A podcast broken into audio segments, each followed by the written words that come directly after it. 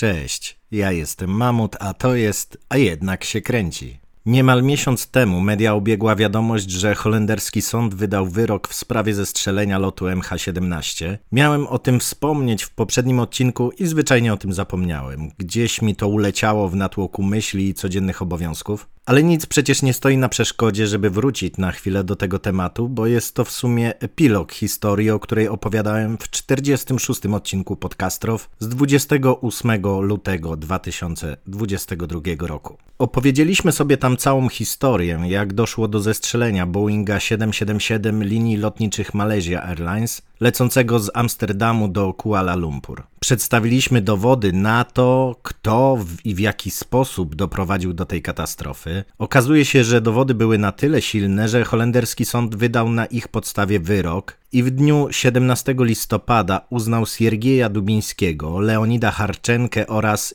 Igora Girkina za winnych doprowadzenia do katastrofy i skazał ich na dożywocie oraz zobowiązał do wypłacenia rodzinom ofiar 16 milionów euro odszkodowań. Jednak wyrok ten ma charakter bardziej symboliczny niż praktyczny. Żaden z oskarżonych nie był w sądzie w momencie ogłoszenia wyroku. Mało tego, żaden z nich nie znajduje się nawet na terenie Holandii czy Unii Europejskiej. Wszyscy skazani znajdują się na terenie Rosji lub ewentualnie zaanektowanych przez Rosję fragmentach Ukrainy i nie ma najmniejszych szans, żeby Rosja ich wydała, ponieważ w oficjalnym oświadczeniu Ministerstwa Spraw Zagranicznych Federacji Rosyjskiej, będącym odpowiedzią na ten wyrok, jest mowa mowa o tym, że wyrok ma charakter polityczny oraz jest wymierzony w Rosję. Możemy tam przeczytać m.in. takie zdanie. Głęboko ubolewamy, że Sąd Okręgowy w Hadze zlekceważył zasady bezstronności ze względu na obecną sytuację polityczną, powodując tym samym poważny cios dla reputacji całego systemu sądowniczego Holandii.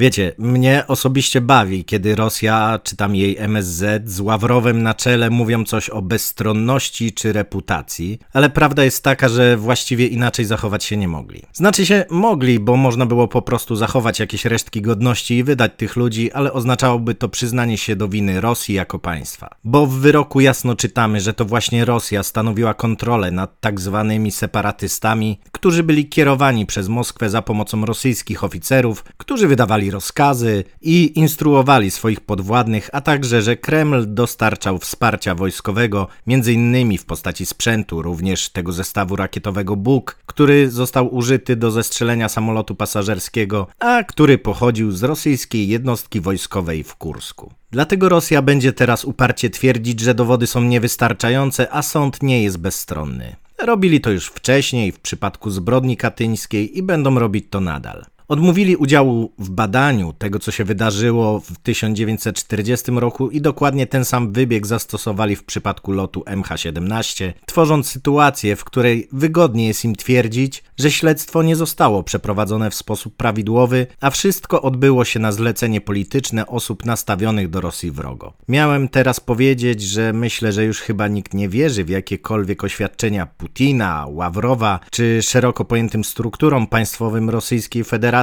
ale przejechałbym się na tym stwierdzeniu bardzo mocno, bo przecież nie brakuje osób, które powielają tą kłamliwą narrację, promując na przykład książki Dugina, czy też po prostu wstawiając absurdalnie idiotyczne tweety, jak pewien poseł znany przede wszystkim z tego, że głównie śpi w ławach sejmowych na tak zwaną popielniczkę. Ale jak ta historia może się skończyć? Właściwie już tylko na dwa sposoby. Jest to oczywiście moje osobiste zdanie i może ktoś mądrzejszy ode mnie wskaże trzecią drogę. W pierwszym przypadku ten wyrok już oznacza koniec. Nie uda się zdziałać nic więcej, bo ani Rosja nie wyda skazanych, ani oni sami się nie oddadzą w ręce wymiaru sprawiedliwości. A nawet gdyby chcieli to zrobić, to i tak ktoś mógłby ich poczęstować słynną już ruską herbatką z polonem.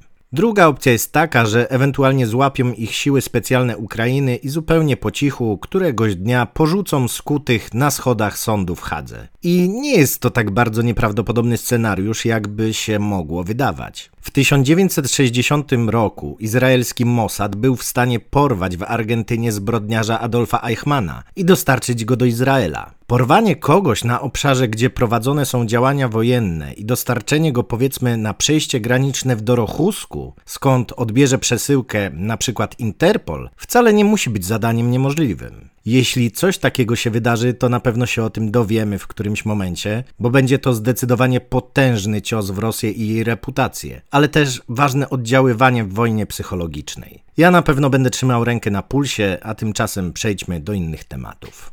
Mimo, że kalendarzowa zima jeszcze się nie zaczęła, to pierwsze opady śniegu mamy już za sobą.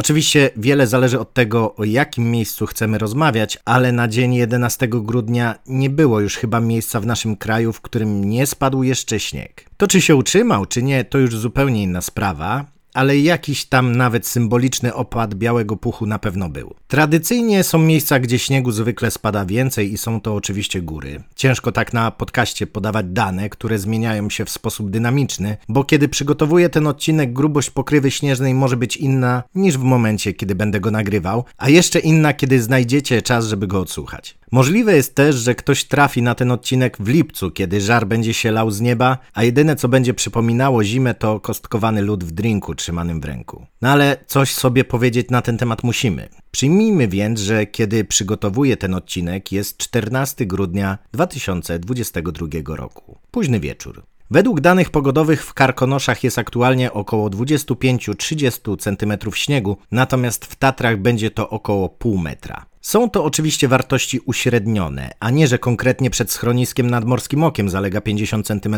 białego puchu, ale daje nam to pewien ogląd na sytuację. Co charakterystyczne, jest to śnieg sypki, lekki i jeszcze niezbity, więc wiejące w górach wiatry doprowadzają do sytuacji, w której może się on akumulować w miejscach, które temu sprzyjają, jak załomy skalne lub po zawietrznej stronie grani. Nie jest on też szczególnie związany wewnętrznie ani z podłożem i dlatego teraz obowiązuje drugi stopień zagrożenia lawinowego. Też w sumie nie na całym obszarze, tylko od wysokości 1600 metrów. I może się wydawać, że lawinowa dwójka w tej pięciostopniowej skali to nic wielkiego, ale trzeba sobie zdawać sprawę, jak jest skonstruowana ta skala i co oznaczają poszczególne stopnie, a także, że miejscami zagrożenie to może być nawet większe. Bo to trochę jak z kałużami. Idziemy sobie w czasie deszczu po ulicy, ubrani w sięgające kostek kalosze. I zaliczamy wszystkie kałuże po drodze. W jednej 2 cm wody, w drugiej powiedzmy 3, a w następnej ledwie centymetr. I wtedy, kiedy stajemy w następną, okazuje się, że tam jest jakaś wyrwa w asfalcie głęboka na 15 cm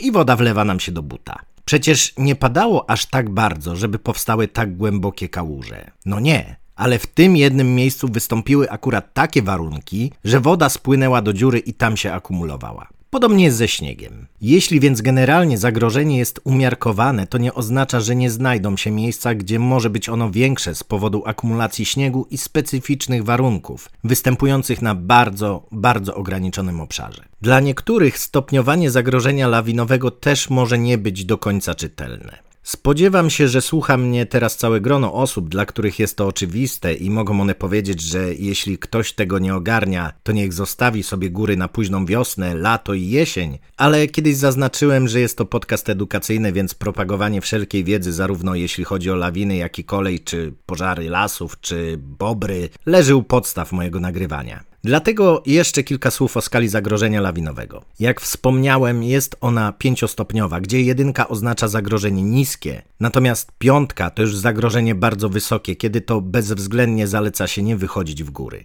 Ale ważne jest to, co znajduje się pomiędzy, bo ktoś mógłby odnieść mylne wrażenie, że skoro dwójka na studiach nie zalicza, a trójka to też nie jest jakiś szał, to podobnie będzie w przypadku lawin. Otóż nie.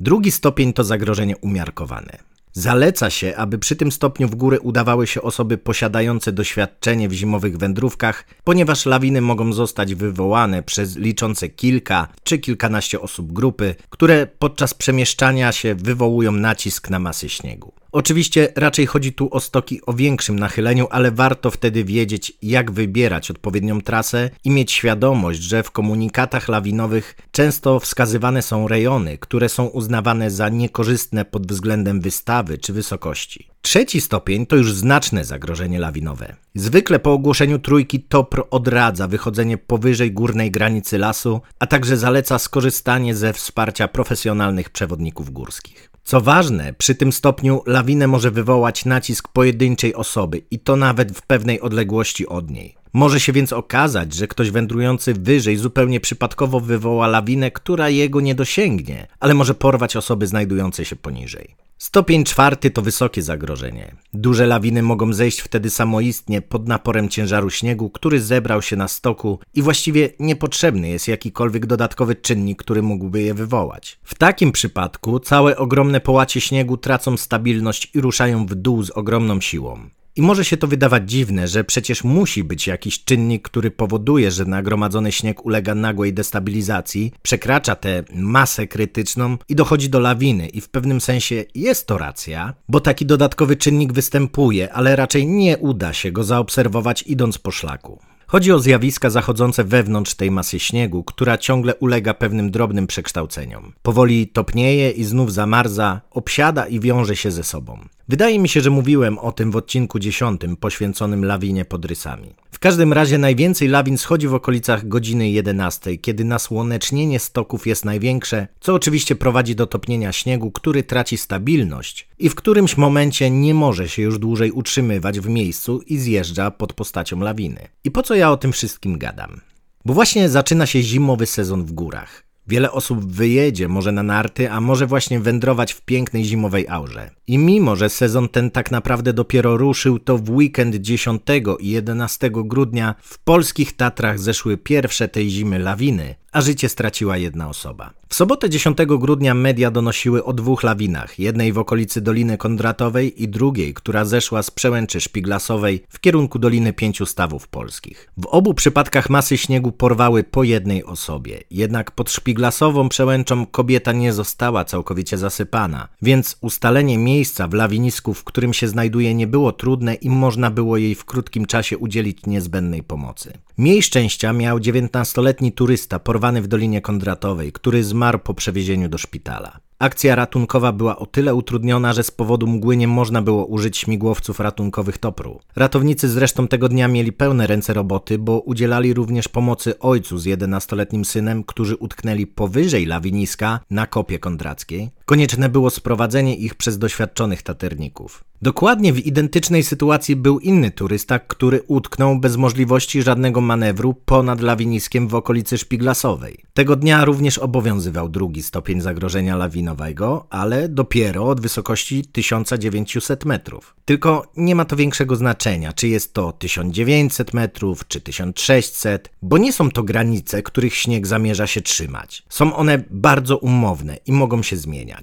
To nie jest tak, że na 1899 metrach jest bezpiecznie, a dwa metry dalej możemy zginąć. Sama kopa kondracka, spod której miała zejść jedna z lawin, ma 2005 metrów wysokości bezwzględnej, więc niewiele więcej, a lawina nie ruszyła przecież z samego szczytu. Dlatego te wysokości są bardzo orientacyjne. Zresztą w trakcie przygotowania tego odcinka informacje podawane przez TOPR zdążyły ulec zmianie i drugi stopień zagrożenia lawinowego obowiązuje już w całych Tatrach. Ma to związek ze spadkiem temperatur w ostatnich dobach, przez co pokrywa śnieżna stabilizuje się wolniej, a śnieg, który nie jest dobrze związany, wciąż się przemieszcza ze względu na silne podmuchy wiatru. Warto też dodać, że nie były to jedyne lawiny tego dnia, mimo że te najbardziej ogólnopolskie media informowały raczej tylko o tych dwóch. Wiemy na pewno o jeszcze jednej w rejonie Kasprowego Wierchu, która miała zejść w kierunku Doliny Gąsienicowej, jednak w tym przypadku obyło się bez ofiar, a zdjęcia na swoim profilu udostępnił Tatrzański Park Narodowy. Tak dla potwierdzenia moich wcześniejszych słów powiem tylko, że Kasprowy ma 1987 metrów wysokości, a lawina oberwała się niżej, dość blisko miejsca, w którym odchodzi szlak do schroniska Murowaniec. I ja wiem, że jesteście odpowiedzialnymi ludźmi, często nawet z bogatszym doświadczeniem w górach niż moje. I wszyscy macie głowę na karku, bo nie oszukujmy się, żaden Olambus, który spędza swoje życie na waleniu browców pod klatką i nagle wpada na pomysł wypadów w wysokie góry w Ortalionie i Adidaskach nie wytrzymałby mojego pitolenia i raczej nie słucha tego podcastu, no ale muszę to powiedzieć. Jeśli wybieracie się w góry, to mierzcie siły na zamiary. Wiedzcie, kiedy trzeba po prostu odpuścić, żeby móc wrócić innym razem. No i oprócz ciepłych ubrań, batonów, termosu z herbatą i całej reszty szpeju, pamiętajcie, żeby zabrać też rozum. Polecam też oczywiście korzystać z tego, że żyjemy w XXI wieku, więc stopień zagrożenia lawinowego, prognozy i dokładny opis sytuacji można sprawdzić na stronie lawiny.topr.pl. A w terenie świetnie sprawdzają się aplikacje jak mapy.cz